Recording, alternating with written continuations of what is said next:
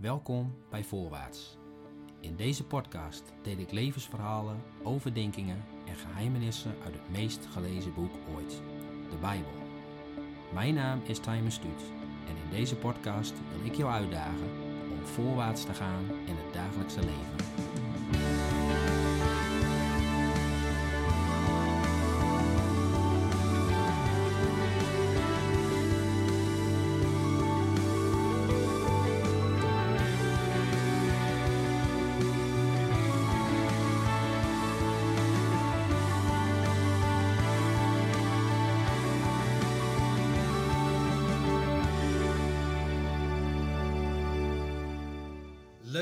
Je luistert naar deze nieuwe podcast. Het is alweer eh, even geleden en we stappen deze editie iets af van het format, omdat ja, wat er allemaal gebeurt in de wereld. Ik heb gedacht mij daar ook niet aan eh, te kunnen onttrekken. En ehm, vanuit daar gemeen wie, met wie zou ik in gesprek kunnen gaan over deze situatie. Ehm, uiteindelijk kreeg ik iemand in mijn gedachten. En op dit moment zit ik bij hem aan de keukentafel. Dus misschien kun je jezelf introduceren. Dan weten de mensen heel goed wie ze zo meteen ook veelal aan het woord zullen gaan horen. Ja, Tijmen, dankjewel. Uh, ja, je hebt me inderdaad uh, gevraagd voor uh, dit soort uh, dingen, soort podcast. Mijn naam is Piet Jonkers. En ja, ik ben heel erg betrokken op het Midden-Oosten. Ik ben, heb zelf jaren in het Midden-Oosten gewoond. En uh, was tot voor kort directeur van de Near East Ministry, een organisatie die heel veel met het Midden-Oosten te maken heeft. Mm -hmm. Ja, ik vind het fijn dat je me gevraagd hebt. Ja, vanwege het feit dat er zoveel chaos is en zoveel, ja, wat ik misleiding noem in de berichtgeving rondom wat er nu gebeurt in, uh, in het Midden-Oosten, in Israël en in Gaza. Dus fijn dat we met elkaar daar eens even ja, wat over kunnen nadenken. Ja, we zeiden net al tegen elkaar, het is allemaal wel ook heel erg hè, complex. We hebben niet de illusie dat iedereen die zal luisteren overal maar uh, ja en amen op zou zeggen. We zouden zelfs wel een serie van uh, 20 podcasts misschien kunnen gaan houden. Maar nou, we beginnen maar gewoon eens met de eerste. misschien voor de luisteraars nog een klein beetje achtergrond van jou. Um, getrouwd, ja, ik ben getrouwd met Alice. We hebben één zoon, ja, Wijnand. En ja, we hebben twee kleinkinderen. En als ik daarover praat, over kleinkinderen, dan haakt dat eigenlijk gelijk aan bij het onderwerp. de 7 oktober jongsleden, toen is er een vreselijke slagpartij geweest in Israël. Leden van Hamas zijn door het afscheidingshek gebroken. Um, er zijn met heel veel ja, explosieven en Kalashnikovs uh, Israël binnengevallen, hebben daar 1400 mensen op beestachtige wijze afgeslacht. dat is van een barbarie als je, nou ja, ik heb zelden zoiets gezien. Mm -hmm. En ehm, dan mijn kleinzoon, het jochie is 9 jaar oud, die komt dus de maandag na, de, na die slagpartij thuis. En dan op school hebben ze dan het jeugdjournaal gekeken. En uh, ja, dan wordt er gevraagd van, nou ja, wat heb je geleerd ja, over wat er nu allemaal aan de hand is. Dan zegt hij, uh, Palestijnen hebben Joden aangevallen omdat ze hen gevangen houden met hekken in Gaza. Er stond mijn verstand echt helemaal bij stil. Hoe kun je nou zo'n beestachtige terroristische aanval waarbij mannen, vrouwen, kinderen uh, verkracht, verbrand, onthoofd zijn. Hoe kun je dat nou beschrijven als Palestijnen hebben Joden aangevallen, of Palestijnen hebben Israëli's aangevallen, omdat ze hen gevangen houden met hekken in Gaza? Dus je gooit gelijk de schuld bij Israël, want ja, vanzelfsprekend als je iemand gevangen houdt met hekken, dan is het helemaal normaal klaarblijkelijk dat je dan uh, ja, ergens binnenvalt, mannen, vrouwen en kinderen afslacht op een beestachtige wijze gaat onthoofden, verbranden, op de lijken gaat staan dansen. Dan denk ik van, hoe bestaat het dat men zo in de media, ja, dat jochie was helemaal blanco natuurlijk. Hè? Dat is niet iets wat zijn ouders hem verteld hebben. Hij heeft het ook niet zelf verzonnen. Dat is een voorbeeld van hoe de hersenspoeling werkt. Nou ja, dat is ook wel een van de redenen dat ik het heel fijn vind dat je me uitgenodigd hebt voor dit uh, gesprek wat is nou ja, je zou zeggen, dit is zo abnormaal. Daar moet wel meer achter zitten dan alleen maar een simpel conflict tussen twee bevolkingsgroepen ergens in de wereld. Als dat zo verslagen wordt door de media. Ja, ja. Ja, nou daar hopen we natuurlijk inderdaad in een paar afleveringen op, uh, op terug te komen. Nou, je ziet hoe, hoe vol je hiervan bent. Hè? Een uh, stukje uitleg over familie brengt ons al direct eigenlijk weer bij het onderwerp. En dat is eigenlijk gewoon ook heel logisch. Ik denk ook dat het goed is voor luisteraars om wel... Ik heb je inderdaad niet zomaar gevraagd. Je noemde het al even de NAM. Neris Ministry. Uh, ja, ik had natuurlijk heel veel mensen kunnen vragen om hier wat over te zeggen. Maar bewust natuurlijk gekeken naar iemand die de nodige kennis heeft uh, en niet alleen um, ja, direct maar pro-Israël, maar de NEM heeft natuurlijk ook heel duidelijk een hart voor de Arabische landen. Maar voordat we daarover gaan hebben, je hebt natuurlijk een andere achtergrond. Hè? Je bent niet uh, geboren op het terrein uh, in Nijkerk, maar je hebt eigenlijk eerst iets heel anders geleerd. Ja, ja ik ben van oorsprong natuurkundige. Ik heb natuurkunde gestudeerd dus. En uh, nadat ik mijn studie heb afgerond, kregen we roeping voor de zending. Ik ben als leraar wiskunde natuurkunde samen met mevrouw Alice naar Peru gegaan. En daar heb ik les gegeven op een zendingsschool in Lima, Peru. Mm -hmm. Um, tijdens die periode, dat is ook wel interessant om te vertellen. Um, ja, Peru is op zich een heel rijk land in de zin van het heeft heel veel grondstoffen, heel veel mogelijkheden, maar er is een enorme armoede, een enorme scheiding tussen rijken en armen. Aan de ene kant heeft het land alles uh, ja, wat je hartje begeert eigenlijk en tegelijkertijd zijn er ook mensen die op straat liggen te sterven. Dan denk je, hoe kan dat nou? En hoe moet je dat bijbels zien? Ja. En um, toen Alice en ik daar in Peru zaten en dat allemaal zagen, dan probeer je grip op te krijgen. Uh, ik ben van oorsprong, uh, mijn achtergrond is uh, reformatorisch, gereformeerde bond in de Nederlandse Vormde Kerk. Dus ik had de institutie van Calvijn meegenomen en die ben ik daar gaan lezen. En ja, ik merkte dat die geschriften van de aloude reformator, ja, dat werkte daar gewoon niet. Het nee. was gewoon... En toen zijn we gewoon om grip te krijgen op de situatie daar de Bijbel gaan lezen. Weer van kaft tot kaft, Alice en ik samen.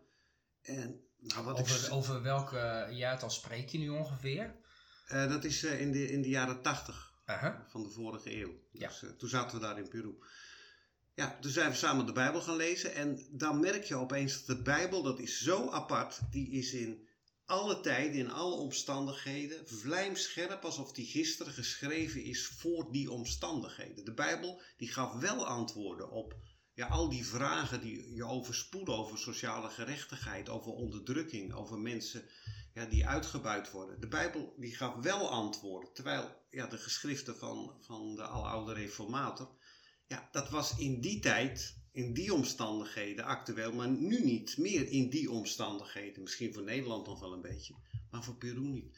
Nou, dat, dat was zo'n openbaring uit je denkt van, nou, hoe kun je ooit een boek schrijven dat zo actueel blijft in alle omstandigheden? Maar omdat we die hele Bijbel doorlazen, van kaf tot kaf, toen werden we weer bij bepaald dat eigenlijk ja, Israël zo'n centrale plaats inneemt in dat hele verhaal van God met de wereld ja, komt Israël overal tegen in het Oude en Nieuwe Testament. En Jezus komt, ja, hij is degene die op de troon van David zal gaan zitten. En zo kan het nog wel een tijdje doorgaan. Dus daar in Peru zijn we eigenlijk ja, weer bepaald bij ja, die, die bijzondere plek die het volk Israël heeft in Gods heilsplan, zoals ik dat uh, zeg.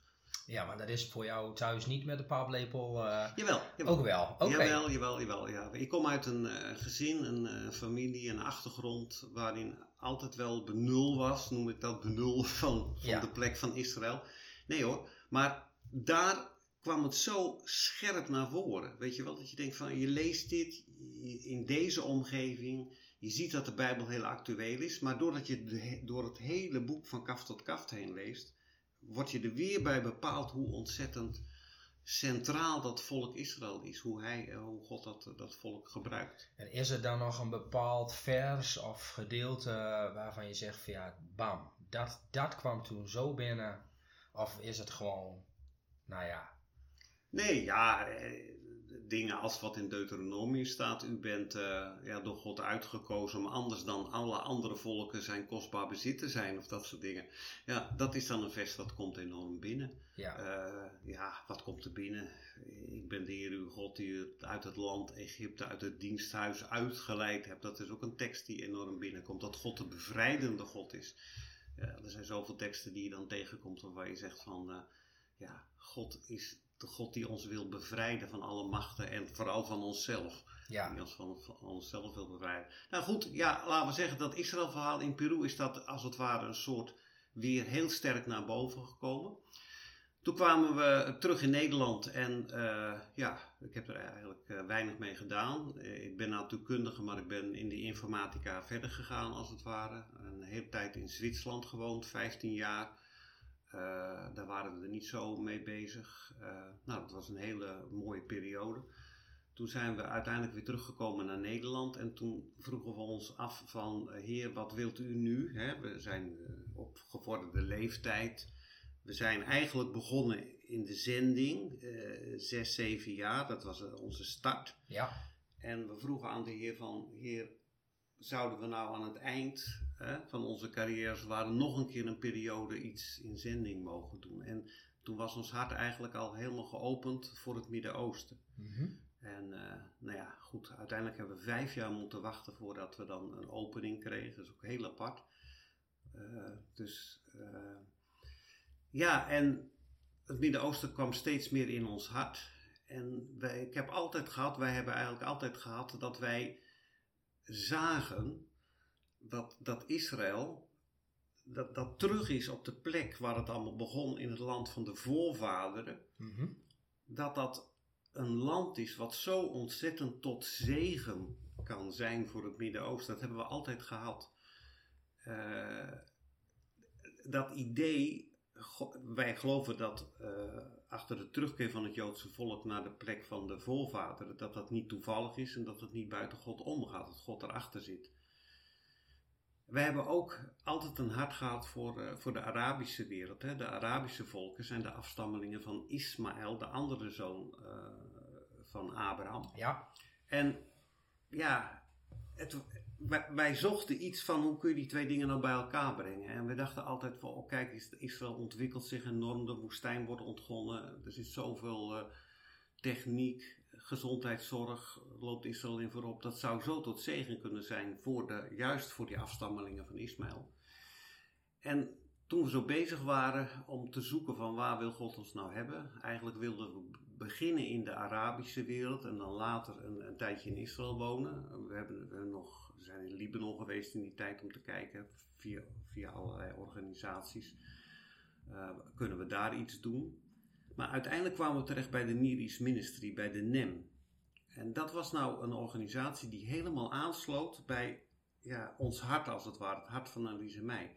De Niris Ministry is een organisatie die, die oog heeft voor de bijzondere positie van Israël in Gods heilsplan. Israël is niet een volk als andere volken. Dat is nou het volk dat door God apart gezet is om tot zegen voor de wereld te zijn. Het feit dat God Israël heeft uitgekozen is niet omdat hij daarmee de andere volken wegduwt. Nee, de keuze van God voor Israël is juist omdat hij de wereld wil zegenen. Ja, ja nou goed, dat, dat, Heel duidelijk, om dat onderscheid even te maken. Want dat zijn volgens mij wel veel mensen een beetje kwijtgeraakt. Ja, dat idee dat de verkiezing van Israël is, is niet omdat God eh, dat volk als het ware alleen of in het bijzonder wil zegenen. Hij heeft een juist uitgekozen om daardoorheen de wereld te zegenen. Door hen de hele wereld. Ja, ja. En als we kijken naar de geschiedenis, is het ook nog niet zozeer echt iets om nou direct heel erg jaloers op te worden. Maar nee, daar komen we later daar komen we later op, ja, ja, ja.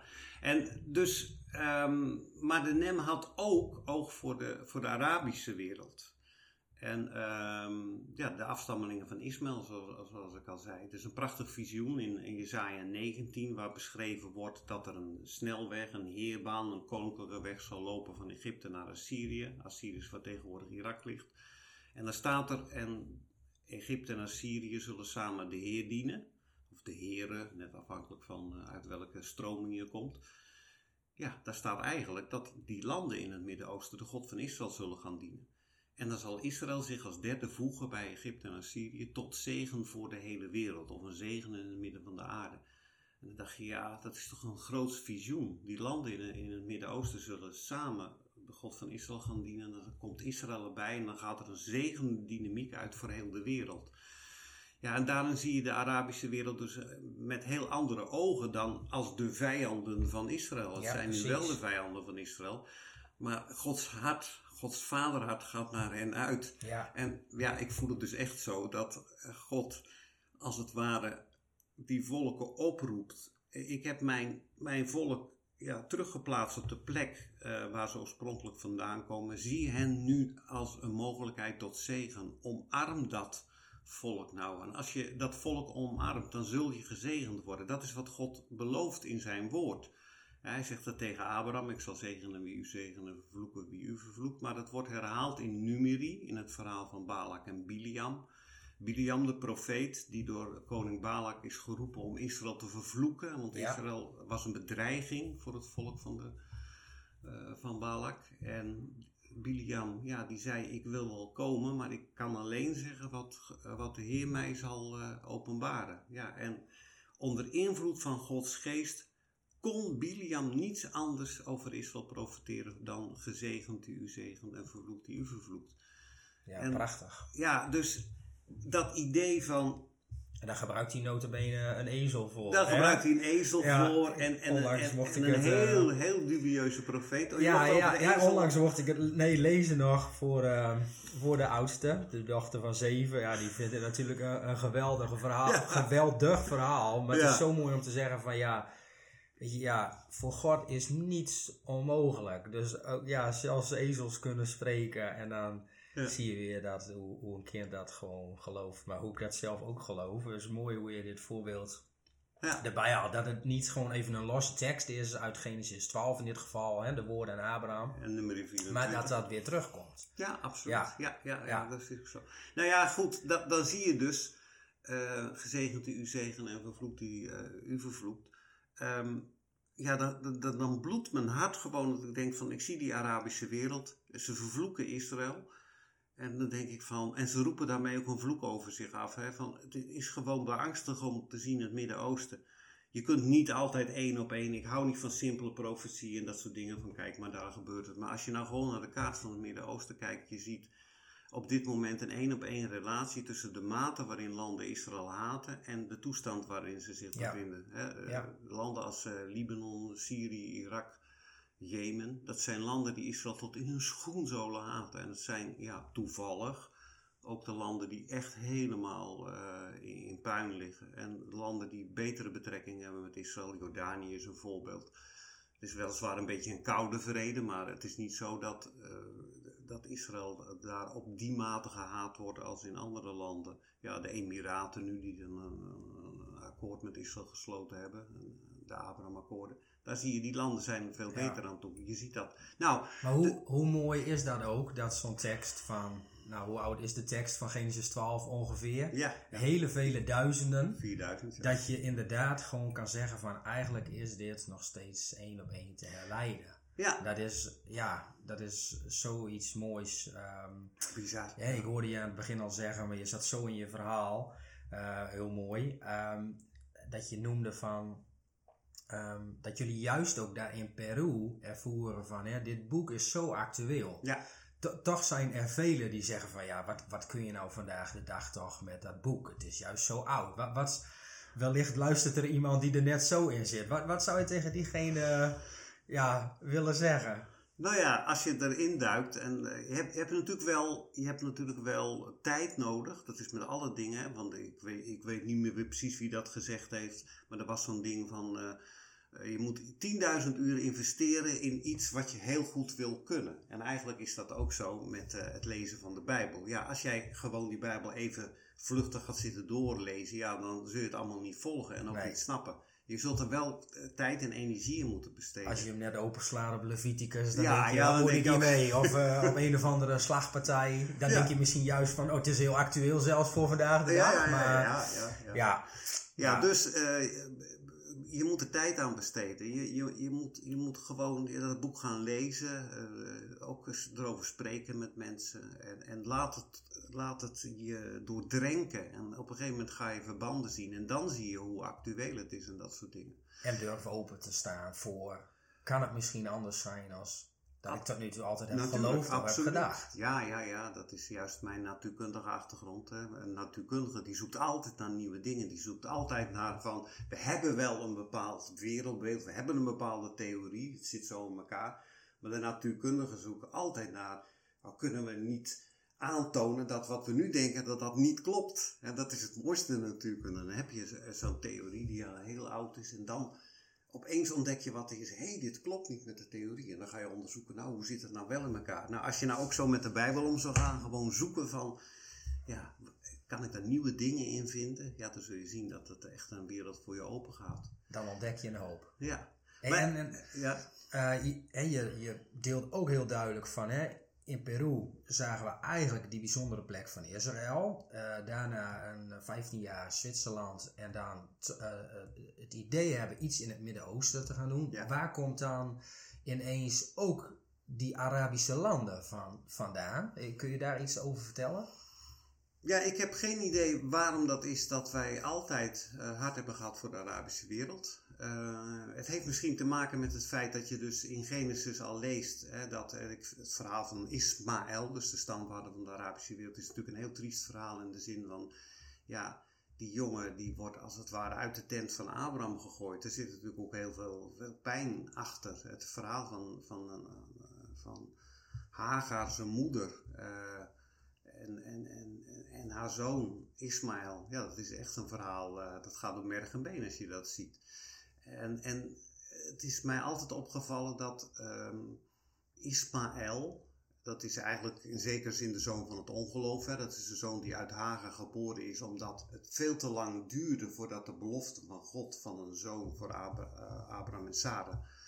Uh, dat het gestalte kreeg. Dus toen zijn ze zelf maar aan de slag gegaan. Het was Sarah's idee. Ja, het was Met volledige instemming van de man. Ja, ja, ja. Dus ja, uh, dan op een gegeven moment uh, wordt dan toch Isaac geboren, hè, de zoon waardoorheen Gods heilsplan met de wereld uh, vervuld zou worden. Maar Ismaël, ondanks het feit dat hij geboren is ergens uit een soort ongeloof van Abraham en Sarah, God heeft hem uiteindelijk ook gewild. Dat is heel apart. Er zijn twee scènes in de Bijbel waarin um, Hagar en Ismaël verdwaald zijn in de woestijn. Eén is Ismaël nog niet geboren, de andere wel dan dreigen Hagar en, uh, en, en Ismaël om te komen. En dan grijpt God zelf in om de jongen te redden. Ja. Dus God heeft op de een of andere manier Ismaël ook gewild. En hij wil hem zegenen. Dat is waar ik eigenlijk naartoe wilde. Er staat er aangaande Ismaël. Hè? Er is ontmoeting tussen God en Abraham. En dan zegt Abraham eigenlijk: hè, God herhaalt die belofte die hij al jaren geleden gedaan had. ik zal u zegenen tot een groot volk maken. Dan denkt Abraham, ja, Sarah kan niet meer zwanger worden, die is veel te oud, hoe dan? En dan zegt hij tegen God, och dat Ismaël voor uw aangezicht leven. En daar bedoelt hij eigenlijk mee van, heer, waarom moet ik doen? Ik heb al een zoon. Ja, doe het via hem. Doe het via hem. En dan zegt God, nee, ik doe het zoals ik het beloofd heb.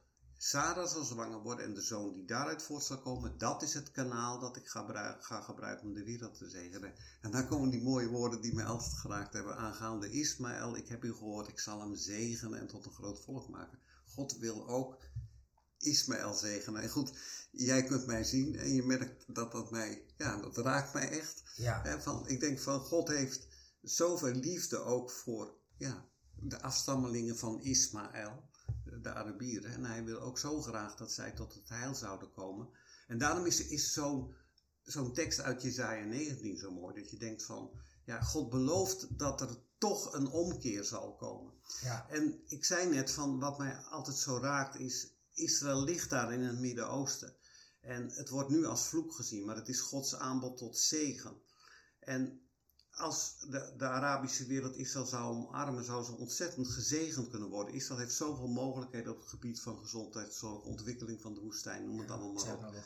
Maar dat betekent, als de Arabische wereld Israël uh, ja, als zou willen gaan omarmen, als ze Israël zouden gaan zegenen, dan moeten ze wel hun vijand omarmen. En daarom komt dat brugje van hoe kun je nou mensen zover krijgen dat ze hun vijanden gaan omarmen. Er is maar één kracht in het heelal die dat kan bewerkstelligen. Dat is het evangelie van Jezus. Ja. Amen. En, en, daarom is dus ook die tekst uit Jezaja 19 zo, zo, zo fantastisch eigenlijk. Want er staat, hè, van er zal een, een heerbaan, een snelweg, een koninklijke weg, een verhoogde weg lopen van Egypte naar Assyrië. En Egypte uh, en Assyrië zullen samen de Heer dienen. Hoe kunnen die landen die nu nog onder de invloed van de islam liggen, de Heer gaan dienen, de God van Israël? Dat kan alleen door het evangelie. Ja, en, daarin zien we natuurlijk mooie dingen gebeuren. Hè? Absoluut, genoeg getuigenissen te lezen van vele moslims die tot, uh, tot geloof komen. Ja, God is op een bijzondere manier aan het werk. Dus, uh, je ziet het overal in het Midden-Oosten gebeuren. Dat ja, moslims ontmoetingen krijgen, een witte gedaante zien. Er zijn zoveel dingen aan de hand nu in het Midden-Oosten. Ja. ja, en dan, kijk, als die landen die eerst Israël haten naar Israël toekomen en, en hen haar willen omarmen en zeggen: joh, jij bent weliswaar mijn vijand, maar ik wil jou omarmen. Dat zal zo'n schokeffect hebben op Israël. En dan zullen ze gaan onderzoeken van hoe kan het nou dat die mensen die ons gisteren dood wilden hebben, dat die ons nu willen omarmen. En dan zullen ze erachter komen dat het hun eigen Messias is, hè, Jezus, de Messias van Israël, die dat bewerkt uh, stellig heeft. Ja, dan zal Israël zich als derde voegen bij Egypte en Assyrië tot zegen voor de hele wereld. Zodra Israël erbij komt, ja, komt er een zegenend, uh, zegenende dynamiek die over de hele aarde komt. Nou, de NEM heeft dus die visie. Eh, als je vanuit de NEM eh, willen wij ook heel graag het evangelie brengen in de Arabische wereld. Ja, we, we, doen dat overigens door diaconale werkers uit te sturen. Ik zal nu niet op de details ingaan. Uh, maar het is niet zo dat we dat alleen maar doen om het evangelie te brengen. Nee. van alleen maar het evangelie en dan is het klaar. Nee, de bedoeling is juist dat ze door het evangelie, dat ze daardoor hun vijand zullen kunnen omarmen. En dat ze daardoor die zegen zullen ervaren van uh, hen die Israël uh, willen zegenen. Ja, en zo zijn we dus bij de NEM terechtgekomen, de Neris Ministry. Juist vanwege ja, die heel bijzondere visie van de NEM. Goed, en we Ook zijn... een unieke, unieke visie in dit land, toch wel? Ja, ja, je hebt wel organisaties die aan beide kanten werken. Maar heel vaak is dat een beetje neutraal. Uh, in de zin van iedereen moet Jezus aannemen en punt. Uh, dat, is dan het einddoel. Ja. Maar wij zien echt van uh, dat, dat, aannemen van de Heer Jezus als je verlosser en zalig maken, dat stelt jou in staat. Dat is het beginpunt. Dat is het beginpunt. Vandaar, dan kun je je vijand omarmen en van daaruit zal er een stroom van zegen over je uitkomen ja, op het moment. Het wordt van je gevraagd om je vijand lief te Exact. Ja, en kun je dat zelf? Nee. Maar kun je dat met Nee. hem? Nee, omarm nou dat dwarse volk, want het is natuurlijk ook. Ja, Israël is geen gemakkelijk volk. Mensen die er geweest zijn, die weten het wel. Het zijn vaak hele stugge en nogal soms botte mensen. Misschien heeft God ze daarom uitgekozen, onder andere. Nou ja, goed, dan kom je op een zijspoortje. dat is inderdaad mijn theorie van waarom heeft God nou juist Israël uitgekozen, niet de Portugezen. Ja, om het ons moeilijk te maken. Om, eh, om, om te zeggen, ja heer, het is niet omdat dit volk zulke vriendelijke en gehoorzame mensen zijn, maar het is omdat het uw keuze is. Ja. Dat maakt je het moeilijk. De Portugezen zijn over het algemeen lieve en aardige mensen. Dan zou het makkelijk zijn voor ons. Hij had, ook de. Nederland, hij had ook de Nederlanders kunnen kiezen. Dat was ook niet gemakkelijk. Nee, dat was heel moeilijk. Ja? Ja, daar, en daar heeft de NEM natuurlijk ook gewoon visie voor. Misschien goed om daar ook nog wel iets over te delen even. Jullie zijn natuurlijk niet alleen werkzaam in het Nee, Midden-Oosten. nee, nee. V- Gekoppeld aan dat, eh, ja, dat, dat werk dat we in het Midden-Oosten doen, eh, willen we ook. We zien uit naar, naar een revij, een ontwaken in Nederland. We zouden zo graag zien dat, dat Nederland, dat dus steeds verder van God eh, losraakt. En we hebben natuurlijk een, een, een, een bijzondere geschiedenis als Nederland. Het evangelie heeft hier al eeuwenlang ja, zegen gebracht. Ja, met alle lek en gebrek hoor. Ik zeg niet dat het hier in Nederland allemaal eh, in het verleden fantastisch was. Er waren allerlei hele moeilijke dingen, slavernij, vernedering, noem het allemaal. En toch kun je zeggen dat wij als land enorm veel zegen hebben ontvangen door het evangelie juist. Ja. En die traditie die zie je nu heel snel afbrokkelen en verdwijnt. En ehm, ja, ik denk dat dat niet goed is voor Nederland. Hè? Dat, dat, eh, nou ja, dat, dat we steeds verder van God verwijderd raken. En als NEM zoeken we naar een, een, een opleving, een revij, een wakker worden. Van ja, dat mensen weer gaan inzien dat ja, het alleen de God van Israël is die zegen brengt. En dat alleen het evangelie van, van Jezus ons verlost van onszelf, van onze kwade neigingen en van onze zonden. Uh, dat hij het ultieme offer is. Dat willen we zo graag weer, ja, dat dat weer opbloeit, dat er een soort opwekking komt. En daardoor, daarvoor organiseren we ook de revijweken, dat mensen wakker worden. Maar het is ook gekoppeld aan het Midden-Oosten. Als je zegt van revij, ogen openen, wakker worden, dan zit er tegelijkertijd ook in van open nou eens je ogen. Kijk nou eens wat er in het Midden-Oosten gebeurt. Ja, Daar is Gods volk weer terug na, na 2000 jaar diaspora, na 2000 jaar verstrooiing. Kijk nou eens mensen. Zie wat God daar aan het doen is. Je kunt Gods werk in het veld voor uh, je eigen ogen gezien. Er gebeurt zoveel in het Midden-Oosten. Ook wat jij vertelde onder moslims in het Midden-Oosten. Maar het feit goed dat Israël dat terug is, het feit dat, nou ja, goed, er zijn allerlei dingen waarin je God aan het werk kunt zien. En ja, dat is dus voor Nederland ook een soort stimulans. Kijk nou even wat verder dan je eigen hele kleine cirkeltje. Eh, God, God heeft een plan met de wereld. We horen zoveel, uh, wat is Gods plan met mij? Ja, oké, eh, prima. Maar als je je alleen daarop concentreert, God is veel groter dan mijn hele kleine persoonlijke wereldje. God is de God, de schepper van hemel en aarde, die door alle chaos heen naar zijn einddoel toe werkt. De nieuwe hemel en de nieuwe aarde. Nou, dus kijk nou eens naar dat Midden-Oosten wat God aan het doen is. Ja, en uh, daar in die zin kan ja, het werk dat we in het Midden-Oosten doen ook het mensen helpen om enthousiast te worden. En, uh, nou ja, en we hopen dan ook dat mensen in Nederland zich weer geroepen zullen voelen om naar het Midden-Oosten te gaan, om daar te dienen. En op die manier het evangelie eh, als het ware uit te dragen. Ja, heel mooi. Mooie missie. Ja, zeker. En uh, ja, zo kwamen we dan bij, bij de NEM uit. Ja. ja.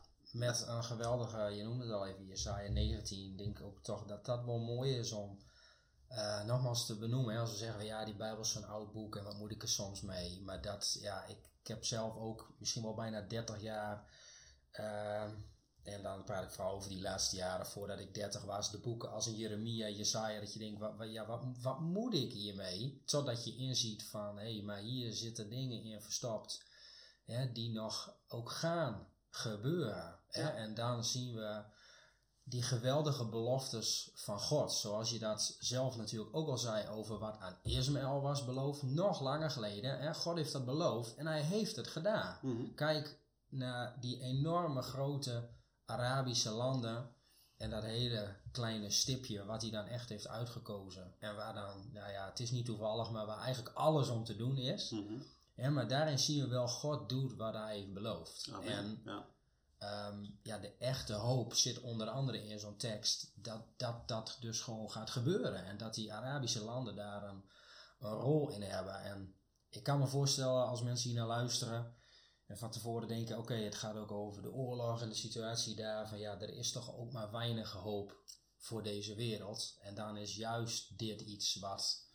Dan kun je misschien zelfs nog beter naar het Midden-Oosten kijken. ja. Als dat we hier naar dit land kijken. Zeker, Want ja. ja. jullie werk in dit land is misschien wel harder nodig. Hè? Ja, je noemde het al even. Het, uh, ja, de bevrijding. Ook een mooie uh, schaduw natuurlijk, zoals God zijn volk heeft bevrijd. Ja, ik, ik vond dat heel treffend. Je hebt het mij vaker verteld. Hè? We kennen elkaar nu vier jaar. Dat heb ik nog niet uh, in dit stukje genoemd. En daarin hebben we elkaar een paar keer gezien. Maar je noemt het vaak. Wij, wij mensen hebben het nodig om bevrijd te worden van onszelf. Ja. Ja, dat raakt mij altijd. Okay. Ja, ja. ja, want daar zit wel het probleem, denk ik, in Nederland. En ook in christelijk Nederland. Absoluut, ja. Ja, ja. ja. De ja. NEM, mooi. Je bent directeur geweest. Ja, maar daarvoor... Dat is niet meer zo, hè? Nee, nee, maar daarvoor waren we eerst uh, veldleiding. We zijn dus begonnen hè, in het Midden-Oosten zelf. Uh, we zijn dus uh, op een gegeven moment uitgegaan als veldleiding van de NEM. De NEM heeft vrijwilligers in het Midden-Oosten, diaconale vrijwilligers. Die dienen in ziekenhuizen, in instellingen voor gehandicapten, sociale projecten. Mm -hmm. En ja, door de manier waarop wij dienen, willen we graag getuigen zijn van de Heer Jezus. Daar zoeken we onze vrijwilligers ook op uit. Uh, nou, die vrijwilligers zitten in, in Israël, in de Palestijnse gebieden, uh, Egypte, Jordanië. we zijn ook een, een, tijdje bezig geweest met de uitzendingen naar Irak. En ehm, er is in Jeruzalem, heeft de NEM altijd een echtpaar die verantwoordelijk zijn voor al die vrijwilligers in het veld. Dat noem je de veldleiding.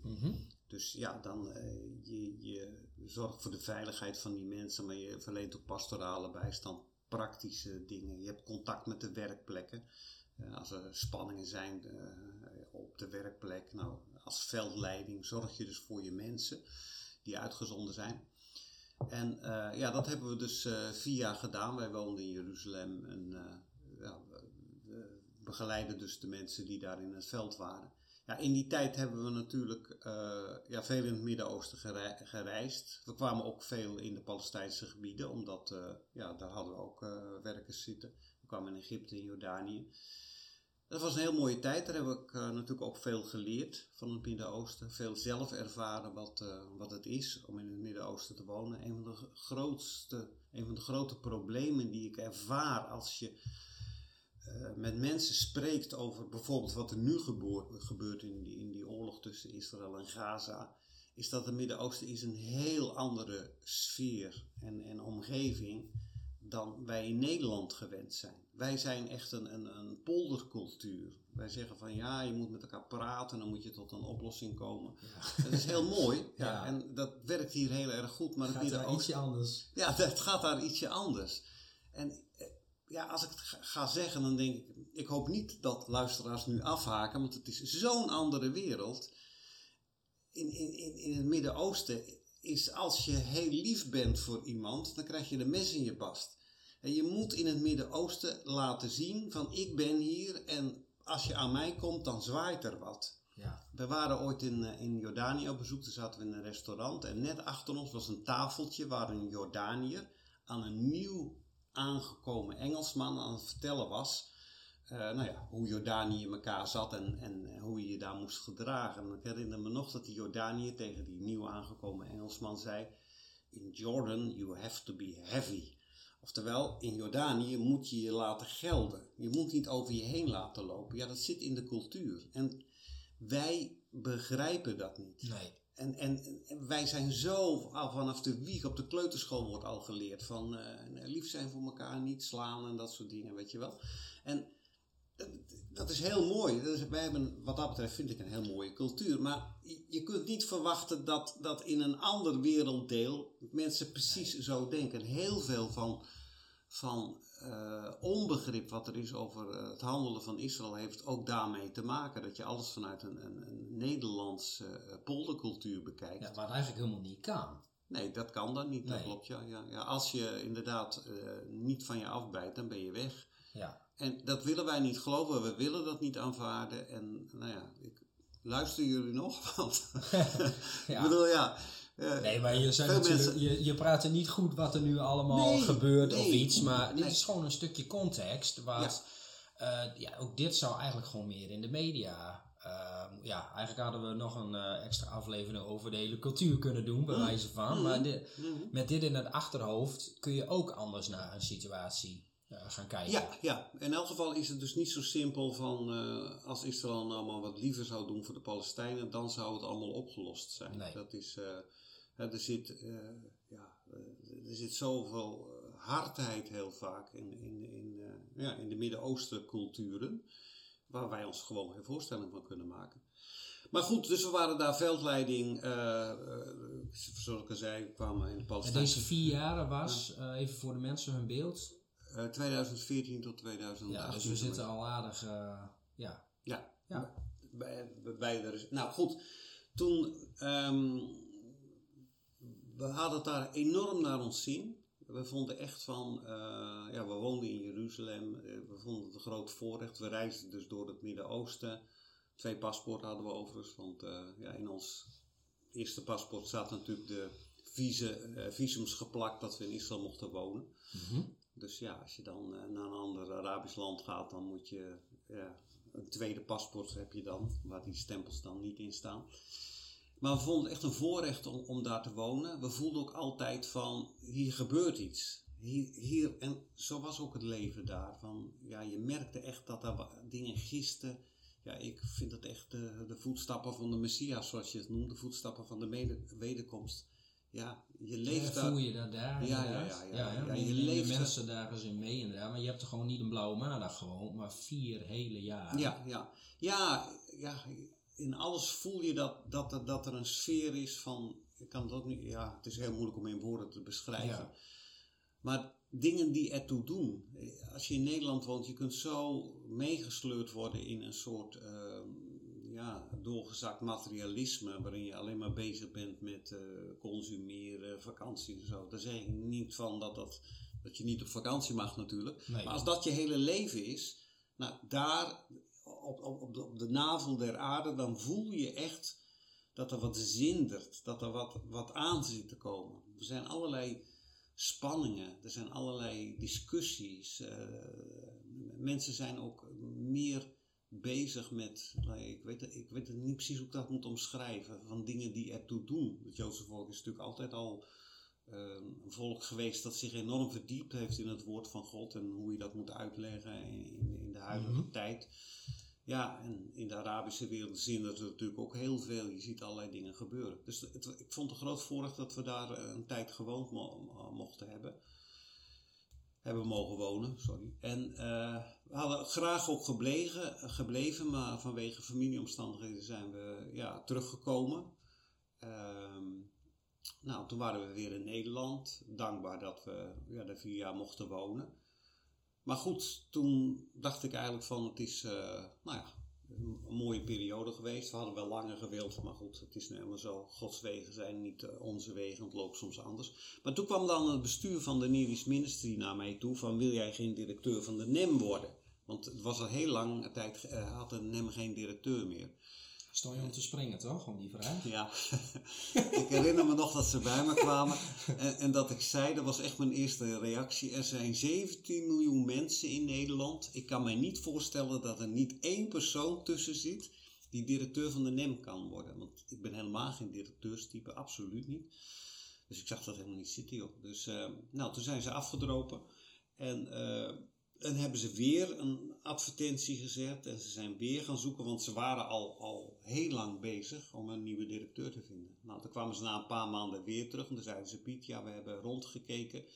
En er is gewoon niemand. Ja, we vragen weer van jij geen directeur worden? Ja, toen heb ik dat toch een soort als roeping ervaren. Het aparte was daarvan niet als een persoonlijke roeping in mijn hart, maar gewoon vanwege de feiten als het ware. Dat klinkt heel raar. Soms heb je een roeping die je van binnen ervaart, maar je kunt ook roeping hebben dat je gewoon kijkt van, nou, hoe is de toestand? En dat je zegt van, ja, nou, het, het, het, was gewoon meer een soort plichtsbesef, dan dat het nou echt was dat ik een soort stem hoorde van, God, Ja. jij moet directeur van de worden. Nee, precies. heb ik niet, eh, niet gehoord. Ja, toen ben ik ook eh, nog een jaar of vier eh, directeur van de NEM geweest. En eh, ja, dat was ook een, een heel gezegende tijd. Eh, de NEM die ging door een hele moeilijke tijd heen. Zowel financieel als ook een beetje, laten we zeggen, wat, wat beleid betreft. Het is heel moeilijk. De NEM, dat is altijd koordansen. Het is natuurlijk een heel, heel conflictief onderwerp. Ja, En die relatie tussen Israël en de Arabische wereld, eh, ja, hoe, hoe verhoud je je daarin? En eh, ja, de NEM heeft, heeft periodes gehad dat ze wat neutraler erin stond. Oftewel, er zijn twee partijen en, en, en ja, eh, die hebben ruzie met elkaar. En wij zitten daar een beetje tussen als een soort, ja, we doen aan verzoening. precies. Ja, maar goed, dat is. Ik vind het sowieso een beetje hooghartig klinken. eh, Of wij zullen wel even verzoening brengen. Nou, zo bedoelen de mensen die dat zeggen niet, niet hoor, begrijp je. Maar toch, ja, het, het is. Je werkt aan beide kanten. Maar het is niet symmetrisch, begrijp je dat? Ja, het is niet ja. zo van, ja, er zijn twee partijen die hebben ruzie en, en ze moeten allemaal eh, het evangelie eh, krijgen. Nee, zo is het niet. De, Israël is een heel apart volk. Dat is Gods volk dat hij wil gebruiken om de wereld te zegenen. En, en de wereld, wat zeg ik? Juist de Arabische wereld wil zegenen. Ja, en daar moet je altijd op, op, een, op een heel fijngevoelige manier mee, mee, mee omgaan. Ja, als je je moet je ook weer niet helemaal in Israël verliezen. Het is een, een volk, ja, het zijn ook mensen. Absoluut. Er zijn ook allerlei dingen die niet goed zijn. Dus dat moet je ook weer erkennen. En, en tegelijkertijd zit daarachter weer van, ja, het is Gods keuze. eh, het is het kanaal waardoorheen hij de wereld wil zegenen. Nou, probeer maar eens om, om in al die, in al die toestanden, in, in, Ja, neem daar je medewerkers maar eens in mee. Ja, iedereen en- zijn eigen mening, et ja, exact. En, dan een vaste lijn te houden. Nou ja, goed. de- dus dat, als je nou vraagt van eh, hoe kijk je terug op die periode van, van directeur. Ja, dan vind ik wel, dat vind ik fijn dat ik eigenlijk, ehm, denk ik, weer een tamelijk scherp heb kunnen krijgen. Waar staat de NEM nou Ja, voor? precies. Eh, eh, een beetje gedefieerd, een beetje afgebakend. Natuurlijk binnen die, die lijn kunnen je allerlei mensen hebben die weer eh, wat andere visies hebben. Het is niet een of andere dictatuur of zo. Nee. Maar gewoon dat, dat het... eh, Oh ja, daar, daar heb ik nog een leuke anekdote over. Nou, die moet je vertellen. Ja, dat was toen wij ehm, eh, solliciteerden voor veldleiding van de NEM. Dat is dus nu zo'n, eh, zo, weet ik veel, eh, negen, tien jaar geleden. Toen kwamen we dus bij het bestuur. En zoals ik al zei, ja, de NEM was een, een beetje ja, zoekende van wat is nou eigenlijk, eh, eh, ja, wat is onze lijn, wat is onze visie, wat is onze missie. Dus dat was allemaal niet zo scherp in die tijd. En toen vroeg dus een van de bestuursleden, Arnold van Heusden, die zat in het bestuur. En ehm, die zei van, eh, nou leg nou eens uit eh, Piet, waarom zou je nou zo graag via de NEM uit willen naar het Midden-Oosten? Nou, toen zeg ik ja, ik heb de NEM altijd ervaren als, nou, wat ik net tegen jou, dat wilde ik dus gaan vertellen over het feit dat ik het zo'n mooie organisatie vind, omdat het aan de ene kant een heel duidelijke focus op Israël heeft, maar ook voor de Arabische wereld. Dat we de Arabieren niet zien als de vijanden van Israël, maar als kinderen van, ook kinderen van Abraham, die, die Gods zegen ook eh, mogen ontvangen. Ja. Dus eh, ik zei, nou ja, eh, ja, ik wil graag bij de NEM, omdat ik denk dat de NEM hiervoor staat. En laat het me u uitleggen. Als het niet klopt, dan hoor ik het wel. Dus ik dat heel verhaal, weet je wel, zo heel enthousiast over wat ik zo mooi vond aan de NEM. En die man die zat me zo aan te kijken en die zei, zo, dat is een mooie organisatie. Daar wil ik ook wel voor werken. Ja. dat, vond ik zo mooi. In de praktijk lag het ietsje... Nou ja, omdat hij vond klaarblijkelijk die formulering hoe ik de NEM zag, dat vond hij zo mooi. Het, leek duidelijk alsof het een soort openbaring voor hem Ja, was. Precies. Zo, dat is mooi. En dat is dus iemand die in bestuur zat. Ja, dat vond ik wel heel mooi. Dus ja, ik vond het altijd een heel mooie organisatie. En in die tijd dat ik eh, eh, directeur mocht zijn, ja, heb ik dat wel weer een beetje, ja, laten we zeggen, helder kunnen krijgen. Ja. Want het is gewoon voor een organisatie belangrijk ja, niet dat er een soort dictatuur is van iedereen moet hetzelfde denken, maar je moet toch met elkaar wel zeggen van, joh, dit is de stip op de horizon. Zeker. Dit is hoe we willen werken, dit is hoe we... eh, Dat heb je nodig. Ja. Nou, misschien heeft die opmerking je uiteindelijk toch wel op die stoel gebracht. Ja, hè? ik weet het ook niet, nooit moeten zeggen. ik Nee, weet ook moest blijkbaar zo zijn. Ja. Hè, ik, ik denk wel dat, ja, ehm, we zitten inderdaad nu eh, midden in dat het ehm, nou, behoorlijk eh, losgaat in het Midden-Oosten, om maar zo te zeggen. Ehm, jij hebt daar vier jaar gewoond. Ehm, wa- wat heb jij daar gezien? Hè? En wat je misschien wel, nou niet per se, eh, ook weer als buitenstaander, sommigen zullen nu misschien wel juist ineens voor het eerst een beetje lezen over die situatie in het Midden-Oosten. Eh, ja, jullie stonden daar met je voeten in de klei, Mhm. Eh, Jood en Arabier door elkaar heen. Neem ons daar eens in mee. Ja, ik weet niet precies eh, waar je op bedoelt, maar een aantal dingen die, die ons opvielen. Ehm, nou, het eerste is dan iets negatiefs en het andere is wat positiefs. Eh, wat ons wel opviel is dat er zoveel haat tegen Israël is in de Arabische wereld. Als je in de Palestijnse gebieden kwam, in eh, Egypte, Jordanië. Kijk, Jordanië en Egypte hebben een vredesverdrag met Israël, maar de bevolking is meestal heel rabiaat anti-Israël. Dat is een van de dingen die ons echt pijn deed. eh, Wat ik allemaal van tevoren eh, net heb uitgelegd Mhm. vanwege dat. Dus dat is een van de dingen die, die ons enorm opviel. En dat je denkt van, oh, wat is het, eh, het evangelie hier nodig? Alhoewel zelfs dat, zelfs dat, er zijn ook heel veel christenen die Israël als een vloek zien. Dus zelfs als het evangelie Alice en ik zeggen altijd, het moet je echt door de Heilige Geest geopenbaard worden. Want anders, anders eh, menselijk gesproken lukt dat niet. Om daar het evangelie te delen. Nee, omdat je de plek van Israël in Gods heilsplan gaat zien. Ja, precies. Ja. Ja. dus zelfs als je volgeling van Jezus bent, kun je nog steeds blijven hangen in dat vijandsbeeld. Van Israël is hier en dat is iets wat eigenlijk niet mag bestaan en het zijn Mhm. onderdrukkers. Ja, dat is wel heel bijzonder. En je kunt eh, mensen niet overtuigen, dat moet de geest zelf doen. Ja. Dus dat is. eh, weet dat Oscar Lohuis ooit zei van een mens moet twee keer tot bekering ja, komen. ja, ja, dat vind ik een mooie. Ja, Ja, dat raakte mij ook. Ja. En daarmee doelde hij met die tweede keer met betrekking tot de rol van Israël. Ja, het is wel een, een tweetrapsraket inderdaad van eh, ja, het evangelie, als je dat in, in je hart aanvaardt, als je de Heer Jezus als je verlosser ervaart en dat soort dingen.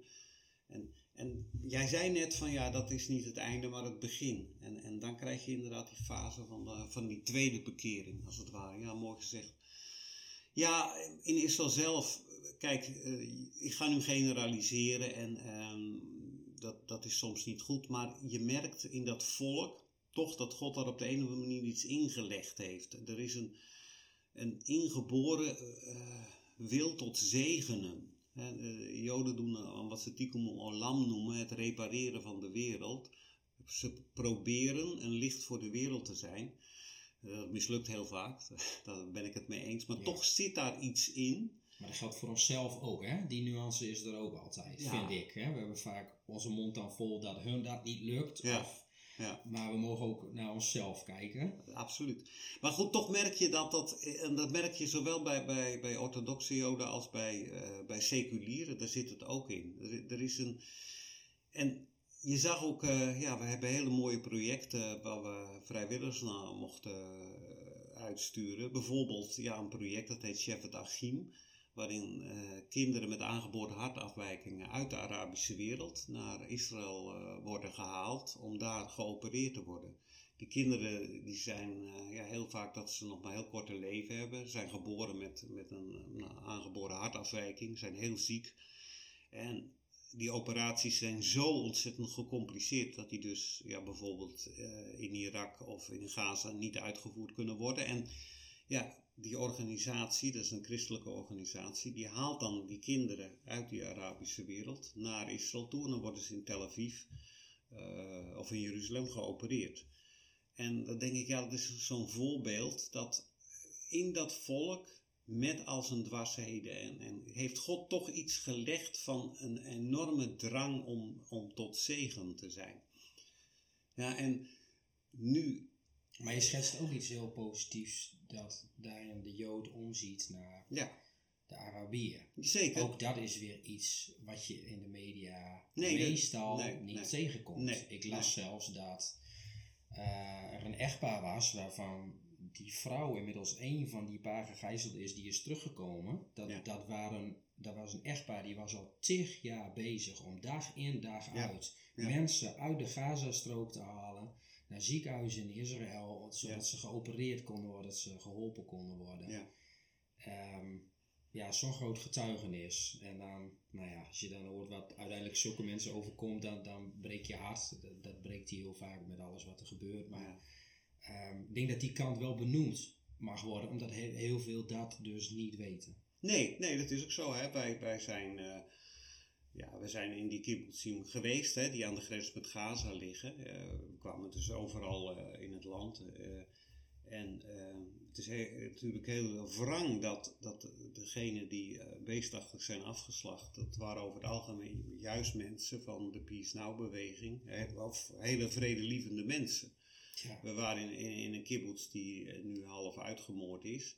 En die mensen hadden ja, die afscheidingsmuur met, met Gaza. eh, dat, op sommige plekken was dat een hek.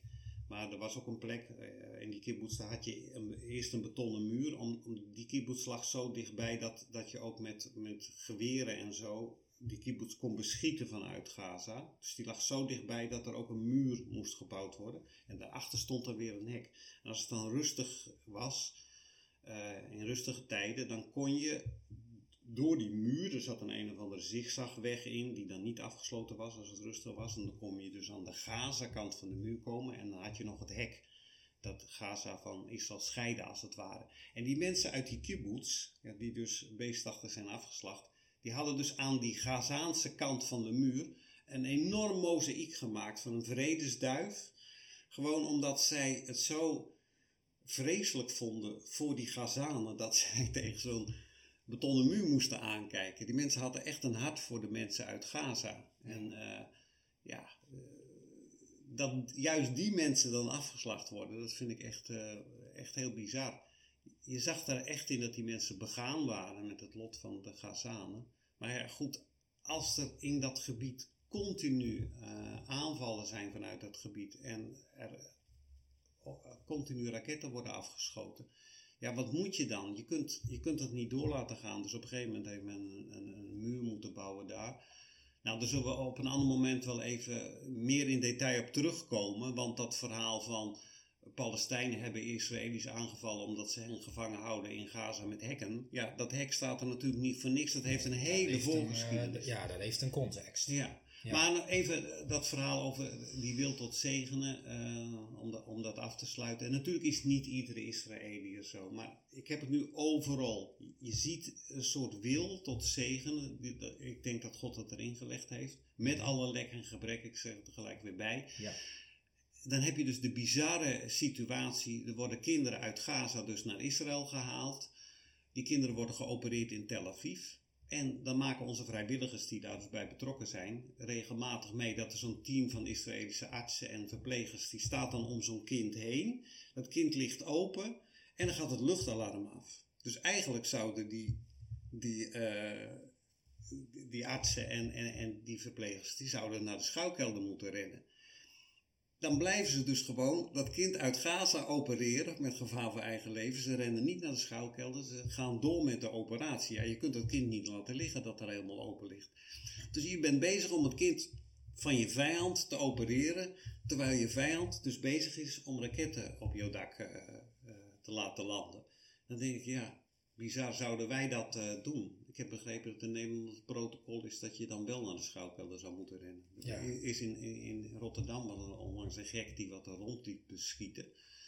En ja, ik heb wel gehoord, ik weet niet of het waar is, ik hoop van niet dat, dat, uh, dat men zei dat mensen zich wel in veiligheid moesten brengen met achterlating van de patiënt. Ik kan me eigenlijk niet voorstellen, want een arts heeft toch gezworen dat hij uh, alles zal doen om het leven van zijn patiënt te beschermen. Ja, kiest maar, hij dan toch voor zijn eigen inderdaad. Ja, ja, ik weet niet, maar goed. Maar dit is een geweldig mooi ja, ja. voorbeeld. Wat... Gewoon doorgaan met het opereren van het kind van je vijand, ondanks dat je vijand jou probeert uh, om te leggen. Ik denk weer. Sowieso toch ook, daar weet jij wellicht ook iets meer over, het belang van leven is heel belangrijk, toch? Voor, voor Jood. Kun je daar iets over vertellen? Ja, dat is echt, uh, dat is echt heel apart. Hè? Van, je ziet uh, in die hele strijd in het Midden-Oosten, en zeker nu met Hamas, dan zie je echt een, een, een cultuur van leven en een, een doodscultuur tegenover elkaar staan. Dat is zo helder, zo duidelijk. De cultuur van het leven. Het leven is ontzettend belangrijk in Israël. Het gaat boven alles. Uh, de, een Jood die uh, religieus is en, en de Torah volgt, de wetten uh, van God volgt, dat is heel strak geregeld wat hij allemaal wel en niet mag doen, mm -hmm. moet doen. Maar er is een regel dat als er een leven mee gemoeid is, dan is het niet de vraag of je de wet mag overtreden, de Torah mag overtreden. Je moet dat zelfs. Je moet ongehoorzaam zijn aan het gebod als je daarmee een leven redt. Begrijp je? Het leven gaat boven alles. Ja. Dus ja, als er een situatie is dat je zegt, ja, eigenlijk mag ik dit als orthodoxe Jood niet doen, want de Torah verbiedt dat. En je zou daarmee een leven verliezen, dan moet je de, de Torah overtreden om een leven te redden. Ja, aan de andere kant is dat een doodscultuur. Uh, ja, we hebben het gezien van, van mensen die rabiaat uh, andere mensen afslachten en dan denken dat ze daarmee uh, Allah een, een, dienst bewijzen en dat hij hen zal belonen omdat ja, er zoveel Joden geslacht zijn. Het is ja.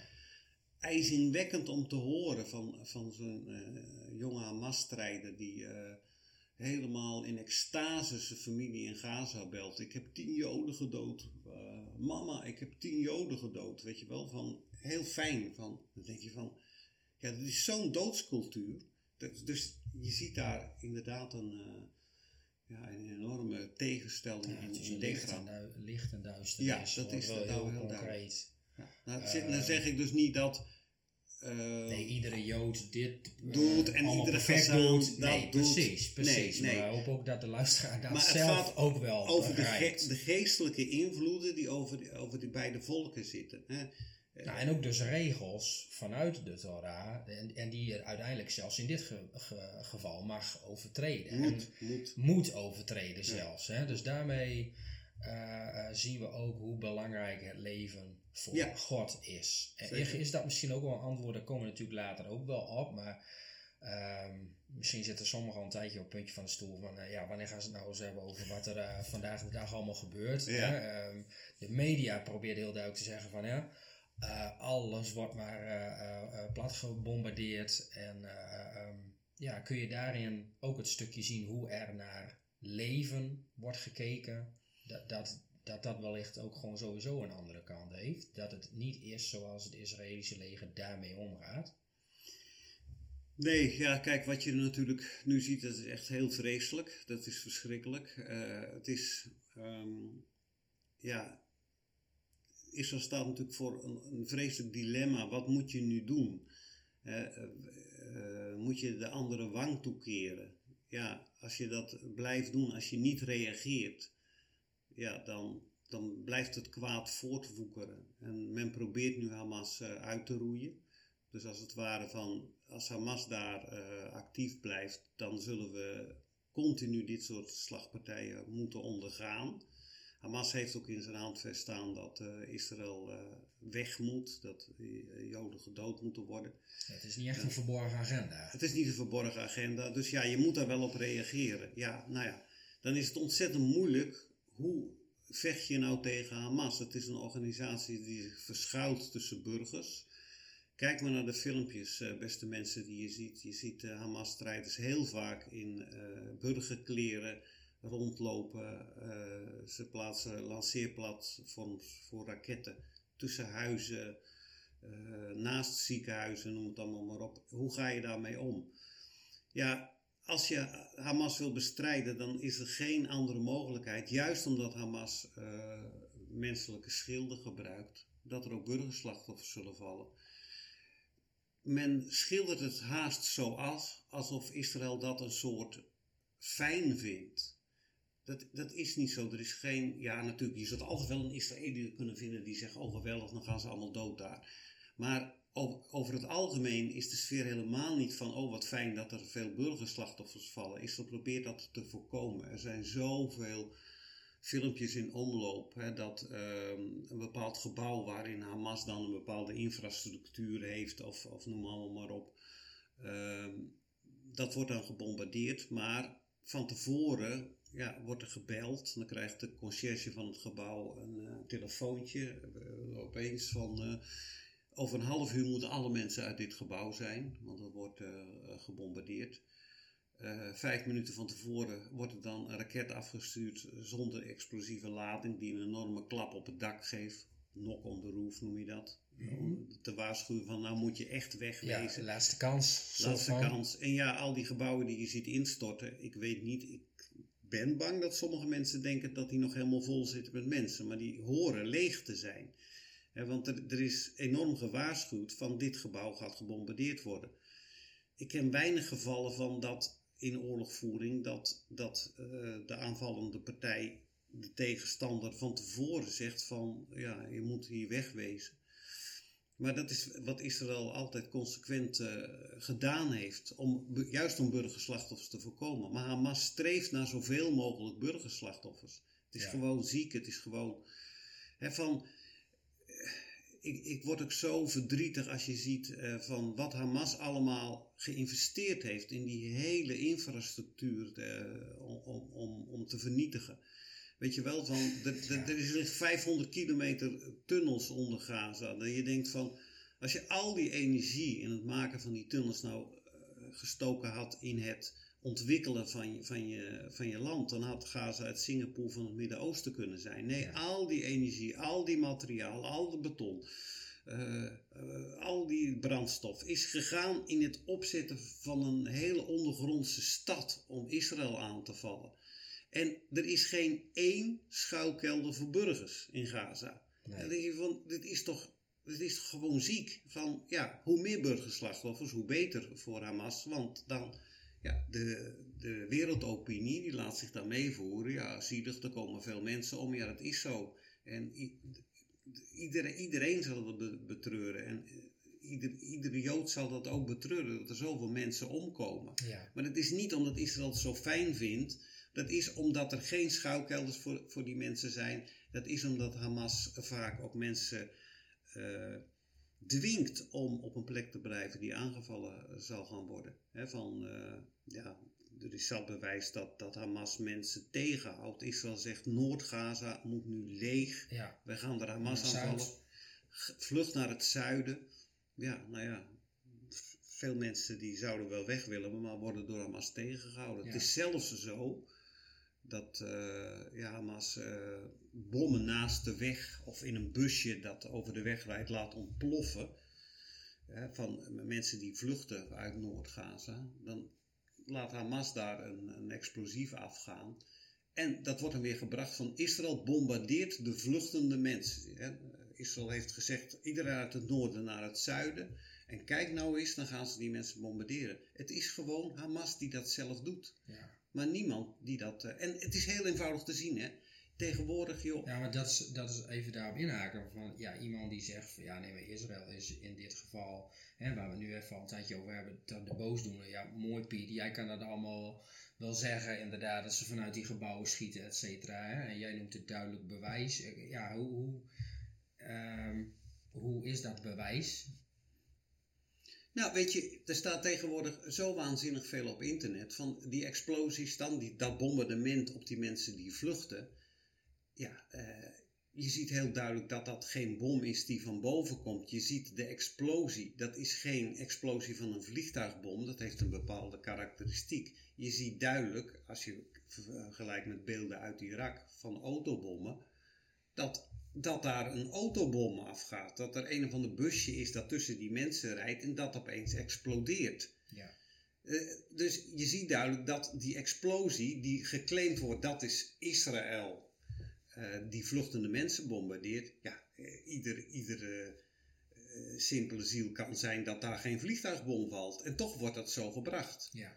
En ja, dan denk ik van mensen, je ziet toch duidelijk dat Hamas daar gewoon, eh, ja, als jullie vluchten, dan word je opgeblazen. Ja, het mooiste voorbeeld is natuurlijk ja, het bombardement op het, eh, op het Gazaanse ziekenhuis. Van, ik, ik zag het eh, live gebeuren op Al Jazeera. Die hadden een livestream en je ziet dat een raket omhoog gaan. En opeens in, in de lucht gebeurt daar iets met die raket. Die, en nou ja, er vallen brokstukken naar beneden en je ziet een explosie en, eh, naast dat ziekenhuis. Dat zie je allemaal gebeuren. En ja, ik ben geen militair expert, maar ik zie gelijk dat is geen vliegtuigbom. Nee. De, de, de vorm van de explosie. eh, ehm, nou ja, je zag duidelijk dat dat eh, of een kerosine-explosie was of zo. En toch wordt er gezegd: Israël bombardeert ziekenhuizen. En dan denk ik van, je kunt, je kunt op, op de, de livestream van Al Jazeera zien dat dit geen Israëlisch bombardement is. En toch alle kranten in Nederland buitelen over elkaar heen van, oh, kijk nou zeg, eh, vrede Israëli's bombarderen zelfs ziekenhuizen. Ja. Nou ja, ja het is, eh, zo- werkt het nu eenmaal. Ja. ja. En dus hoe kun je het eh, bewijzen? Ja, je kunt nooit alles helemaal in detail bewijzen. Het is een oorlogsgebied, je kunt er niet in. Het wordt afgesloten ook. Eh, tegelijkertijd, er is tegenwoordig zoveel informatie gewoon te zien. Ik noem deze twee voorbeelden. Hè, van eh, Israël bombardeert vluchtende Gazanen en Israël bombardeert ziekenhuizen. Je kunt gewoon met de, de informatie die je gewoon kunt opvragen, ehm, kun je zien dat dat een, een leugen is. En toch wordt dat geloofd. En toch Ja. blijft men daar maar aan vasthouden. Kijk eens hoe vreed de Israëliërs zijn. Ja. Ja, het is, eh, het is ook wat, nou ja, je hebt er zelf een, eh, je hebt er zelf een hele mooie term voor, hè, als, als natuurkundige eigenlijk, toch? Je, je gebruikt hem vaker, de confirmation. Eh, confirmation bias, ja, dat Ja. is heel grappig. Ja, in, ja, het is niet zozeer, uh, ja, het is uh, vanwege mijn uh, natuurkundige achtergrond dat ik het heel interessant vind. Het komt meer uit de psychologie. Confirmation bias is een, um, iets wat in onze hersenen zit. Je noemt het ook bevestigingsvooroordeel. Wij zijn als mensen van nature geneigd. we hebben een wereldbeeld in ons hoofd zitten. Dat hebben we nodig om te kunnen functioneren. als we geen kader hebben waarin we alles kunnen interpreteren, dan zouden we helemaal overspoeld worden door allerlei soorten informatie, eh, prikkels. Precies. Dan hebben we geen grip op de wereld. Dus we hebben een wereldbeeld nodig, een soort denkraam waarin we alles plaatsen. En het rare is aan de menselijke hersenen, we proberen altijd dat wereldbeeld vast te houden. Als dat wereldbeeld schuift, dan worden we onzeker. En confirmation bias is dat onze hersenen, die alle informatie die onze wereldbeeld omver dreigen te halen, die negeren we. Dat doen we niet bewust, dat doen we automatisch. En alle informatie die ons wereldbeeld bevestigt, die laten we door, die verwerken we wel. Confirmation bias, bevestigingsvooroordeel. Ja. Dus ook al zien mensen op Al Jazeera van, ja oké, dit is, ziet er niet uit als een Israëls bombardement, maar een afgezwaaide raket die van achter het ziekenhuis werd afgevuurd. Dat negeren we gewoon. Ja. Dan zeggen we van, nee ja goed, dat past niet in het wereldbeeld, want daarin moet Israël de agressor zijn en Palestijnen alleen maar zielige mensen. Dus Klaarblijkelijk wordt dat volledig genegeerd, die info die er dan beschikbaar is. En dan wordt koortsachtig gezocht naar, naar middelen om het wereldbeeld te bevestigen. Uh, een ander voorbeeldje is dat er circuleren nu filmpjes uh, rond van, ja, weet je, uh, al die slagpartijen van Hamas. Ja, dat is allemaal door Israël zelf opgezet dan komt men met, met, met beelden van er is een bepaald huis in een kibbutz uh, dat heel erg beschadigd is. Uh, de meeste schade dat zijn kogelinslagen en zo. Maar er is een bepaalde plek waar een huis staat dat bijna helemaal vernield is. En dan is het verhaal, ja, dit moet wel een bombardement van Israël zijn geweest. Want die Hamas-strijders hadden alleen maar Kalashnikovs. Dus je kunt niet zoveel schade aan een huis hebben dat is het zoeken naar Israël moet de kwade pier zijn. Ja, nou ja. Dan zie je zo'n foto, zo'n foto van een, een, half ingestort huis. Dus kan het niet zo zijn dat Hamas dit gedaan heeft, want die hadden alleen Kalashnikovs. En uh, dus moet het wel Israël zelf zijn die dat gebombardeerd heeft. En dat wordt gewoon met droge ogen gezegd. Dan denk ik, ja, er ligt een half ingestort huis was het misschien al ingestort voordat de aanval kwam? Zou een mogelijkheid zijn. En Hamas had alleen Kalashnikovs. Nee hoor, uh, Hamas had ook raketwerpers. Had ook explosieven bij zich. Misschien was het een poging van Hamas om mensen uit het huis te krijgen door daar explosieven uh, neer te zetten.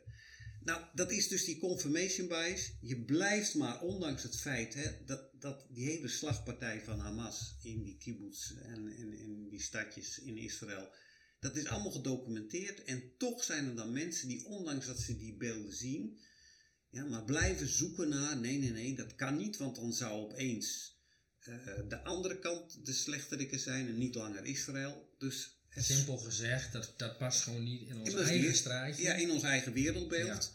Ja. Ja. En het is een kramp. Dit is natuurlijk wel een heel extreem verhaal. Hè, van, ja, ja, niet zeker. dat er veel mensen zullen zijn die uh, de slagpartij zullen ontkennen. Nou, ik begreep wel dat er toch ook wel een paar Hamas-leiders zijn die zeggen dat het toch echt uh, ja, niet, gebeurd. niet gebeurd is. Ja, maar, maar, die weten dan wel dat dat niet zo is en dat het wel gebeurd is.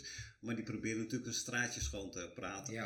Maar dit verhaal van, van, van die, die personen die zoeken van nee, het is Israël zelf die het gedaan heeft. Dat is jouw kader. En je gaat dan zoeken naar bewijzen dat wat jouw denkbeeld is dat dat klopt. Ja. En alle informatie die je tot je krijgt van ja, dat is onzin, dit is duidelijk een Hamas-aanval, dat, dat negeer je dan gewoon. Nee, ik vond het heel mooi dat je dit, um, ja, toen we dit wat voorbespraken, deelde. Omdat ik dacht van ja, ik denk dat wij als mensen hier vaak uh, ons misschien wel helemaal niet uh, bewust van zijn. Of dat we nu juist bevestigd worden in van, oh ja, dat, dat doe ik zelf inderdaad ook. Ja. Hè, dus, dus ja, daar, daar mogen we wel uh, dat mogen we meenemen. Ja, mooie. Uh...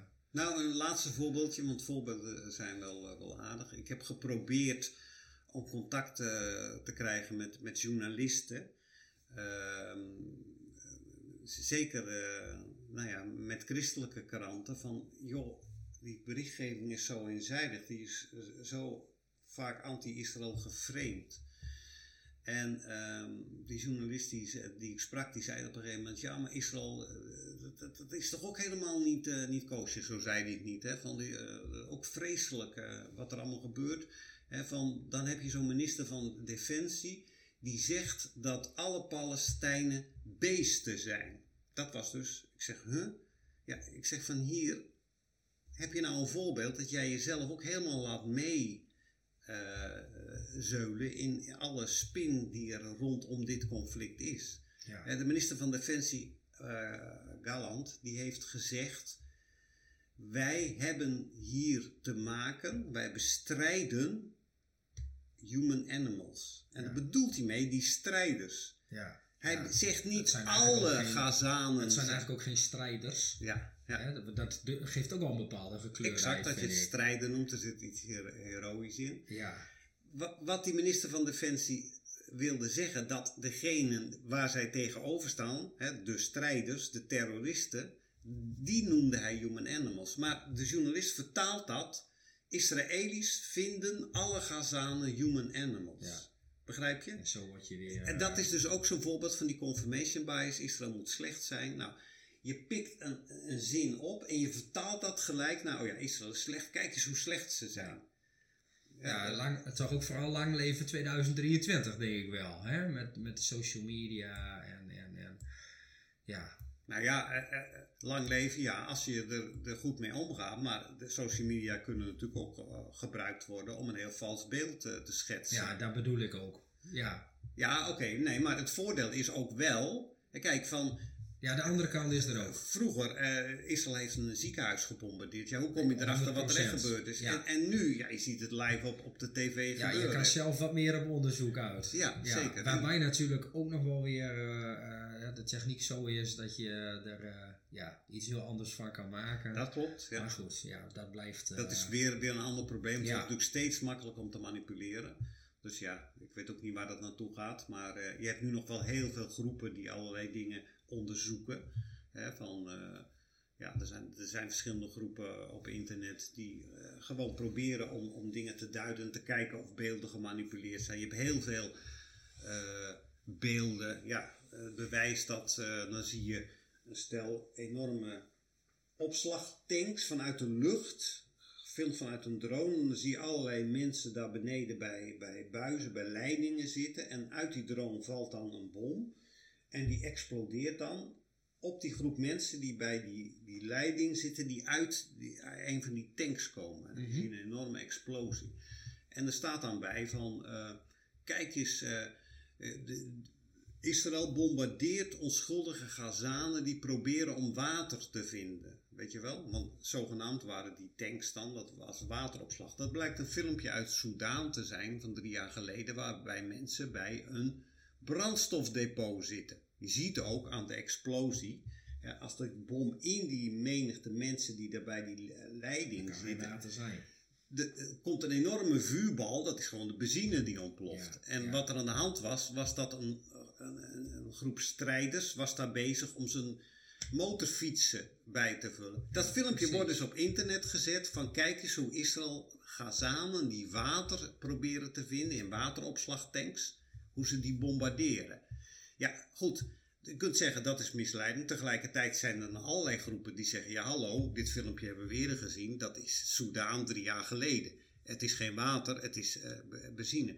Dus ja, in dat hele uh, media, die social media, ja, het kan aan de ene kant een zegen zijn, aan de andere kant ook een vloek, want je kunt er vreselijk mee manipuleren. Ja, precies. Maar dit is een voorbeeldje precies. van hoe het in de praktijk ja, kan werken. goede voorbeelden om ook als luisteraar te beseffen van, uh, uh, ja, het is niet altijd maar wat je, wat je ziet. En, uh, Wees kritisch. Zoek het uit. Eigenlijk weer net als ook in de Bijbel waar we mee begonnen. Ja, exact. Ja, ja. en nou zal ik niet iedereen aan willen moedigen om alleen maar filmpjes te bekijken en alles uit te zoeken. Nee. Maar eh, ik denk wel dat er wat betrouwbaardere bronnen zijn eh, te vinden dan nou ja, bepaalde bronnen waar wij ons misschien wel het meest mee, mee vullen in dit land.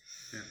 Ehm, we hebben veel besproken. Het is duidelijk dat we niet voor niks nog een, een tweede en een derde serie gaan, gaan doen. Ehm, veel informatie voor mensen. Er is veel onrust in de wereld. Door deze situatie is dat eigenlijk alleen maar eh, toegenomen. En juist in de volgende afleveringen hopen we ook meer duiding te geven aan van hè, wat, wat naar de volgende aflevering van wat is Gods grotere plan nou hè, met de wereld en ja, welke rol speelt Israël daar ook in, de Arabische wereld. En daarnaast ook de geestelijke strijd die er in het Midden-Oosten is, uh, hopen we de derde keer uh, um, ja, over te hebben. Goed, ja, dat, dat duurt natuurlijk nog even, dus mensen moeten even geduldig hebben. Wat zou jij mensen nog mee willen geven als, je, ja, dit, als mensen dit ook veel bezighoudt, uh, het ook hun, hun onrustig maakt? Deze podcast heet Voorwaarts, dat is een bewuste naam natuurlijk om proberen vooruit te gaan in het leven, positief te blijven, hoop te houden. Wat zou jij tot slot in deze podcast nog willen zeggen? Ja, het, het klinkt uh, inderdaad prachtig voorwaarts. Ja, wat ik uh, zou willen zeggen, wat ik zou willen meegeven, is dat klinkt heel raar. Misschien als je ziet wat, wat voor vreselijke dingen er allemaal nu gebeuren. Dat we wel de achterhoedegevechten van een verslagen vijand zien. Dus dat is wat, wat hoop geeft. Satan is definitief overwonnen toen Jezus stierf aan het kruis en de Vader hem op de derde dag opwekte. Dus de vijand is al verslagen. Maar we zien hier gewoon, ja, een verslagen vijand wil niet zeggen dat hij uh, helemaal niets meer doet. En het is juist de felheid, denk ik, van het feit dat hij verslagen is, dat hij nog zo waanzinnig om zich heen uh, slaat, als het ware. Maar we mogen zeker weten dat we uh, naar Gods einddoel toe gaan. Hè, dat Jezus terug zal komen, dat zijn voeten zullen staan op de Olijfberg, die daar ligt ten oosten van Jeruzalem. En ja, dat dan alles goed zal zijn. Dat het God niet uit de hand loopt. Uh, dat, dat we uit mogen zien naar de dag dat hij terug zal komen en zijn rijk zal uh, vestigen. Dat hij op de troon van David, let op, daar gaan we weer zal gaan zitten. En uh, de heidenen zal hoeden met een ijzeren staf. Dat klinkt dan misschien wat minder. ja, minder positief, maar het staat er wel. Ja, daarom. Ja.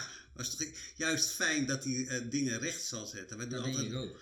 Wij doen net alsof uh, Jezus allemaal helemaal lief is, maar hij is dus ook degene die de heidenen zal hoeden, de, de, de volken met een ijzeren staf, ijzeren knots staat er in sommige vertalingen zelf, vind ik wel mooi. He, dus uh, hij zal alles goed maken en ja, daar mag je naar uitzien. Jezus zegt zelf, als deze dingen uh, beginnen te gebeuren, heft dan uw hoofd omhoog, want uw verlossing is genaakt, uw verlossing komt naderbij. Ja. Zo mag je het ook zien en we hoeven niet bang te zijn. We zullen waarschijnlijk, denk ik, wel door een tijd van groot lijden heen gaan. Maar je mag in alles erop vertrouwen dat het God niet uit de hand loopt en dat hij naar zijn einddoel toe werkt, door alle chaos heen. En dat de vijand, wat hij ook probeert, het niet zal, hij zal er niet in slagen om Gods grote plan te torpederen. Dus houd goede moed, zou ik zeggen. Wees erop voorbereid dat het moeilijk kan worden.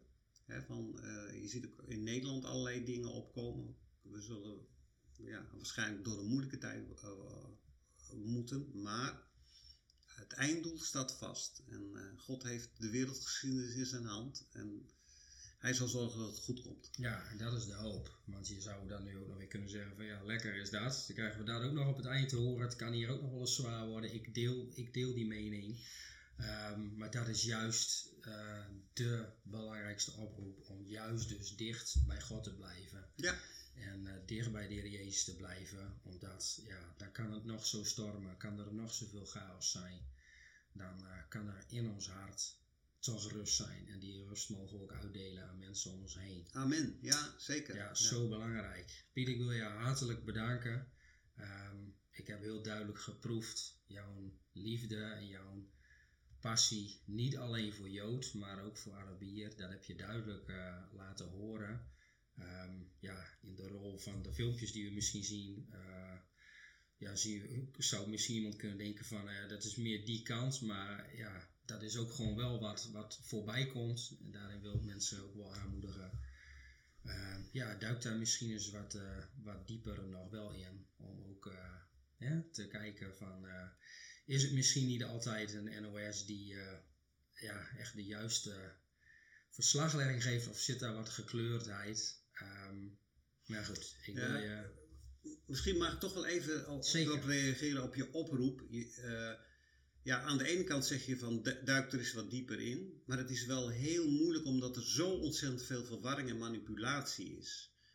Dus ja, um, ja ik heb natuurlijk zelf in het Midden-Oosten gewoond. Ik heb een natuurkundige achtergrond. Dus ben gewend om informatie, ja, laten we zeggen, uh, wetenschappelijk te benaderen. Um, en ja, je hebt heel veel basiskennis eigenlijk wel nodig om dingen ook goed te kunnen duiden. Want je wordt zo meegenomen in een of andere stroming die bewijst, allerlei dingen bewijst. Ja. Dus ja, aan de ene kant onderzoek zelf dingen, aan de andere kant uh, voed je ook met, met informatiebronnen die je vertrouwt. Ja. Bijvoorbeeld, lees niet alleen de NRC. Dat is een heel, uh, ja, dat wordt zo gemanipuleerd wat Israël betreft. Maar lees ook bijvoorbeeld als je Engels spreekt, eh, ik noem bijvoorbeeld de Times of Israel. dat, dat is een Israëlische krant, een beetje in, die in het midden staat van het politieke landschap. Lees dat ook. Ja. Dat je ook informatie krijgt. Maar dus uit een betrouwbare bron. Als je zelf alles gaat zoeken, dan op een gegeven moment ben je ja, dan bang. kom je toch weer op je confirmation, uh, ja, langlevende algoritmes. Exact. Ik had beter kunnen zeggen, neem niet alles wat je ziet. Ja, voor zoete koek aan.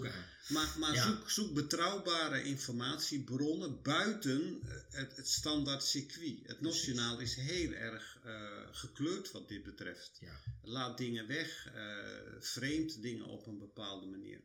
Dus ja, breid je blik uit. En ik zou zeggen, ja, ik zou ook gemeentes en kerken oproepen. Waarom organiseer je eens niet informatieavonden voor je, voor je leden, voor je gemeente.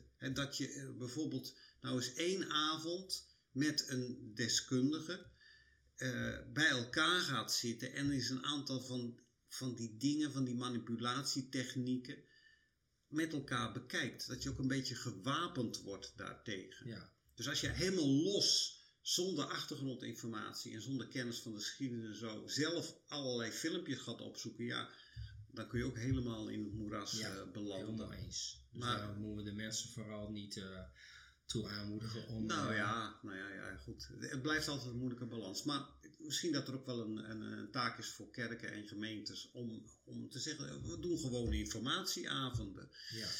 Laten, we de, laten we eens wat bij elkaar gaan zitten. In deze tijd is dat inderdaad wel belangrijk dat je mensen ook wapent, de wapens in handen geeft om de listen en, en, van de Satan uh, te kunnen doorzien. Ja. En dat we daar ook als kerk en gelovigen wel degelijk iets mee moeten. Daar zullen we het natuurlijk ook in de volgende aflevering uh, over hebben. Piet, nogmaals bedankt voor jouw uh, inbreng, maar ook voor je, ja, voor je hart, je openheid, je kwetsbaarheid. dus luisteraar, bedankt voor het luisteren. Mocht je nou vragen hebben of opmerkingen, um, je kunt altijd contact zoeken via de contactgevers, ook als je een vraag voor, uh, voor Piet zou hebben. Uh, stel hem gerust. En um, ja, we hopen je de volgende keer uh, weer te, ja, dat je weer mag inschakelen voor, voor deel 2 over deze serie podcast over Israël en de Arabische landen. Bedankt en tot de volgende keer.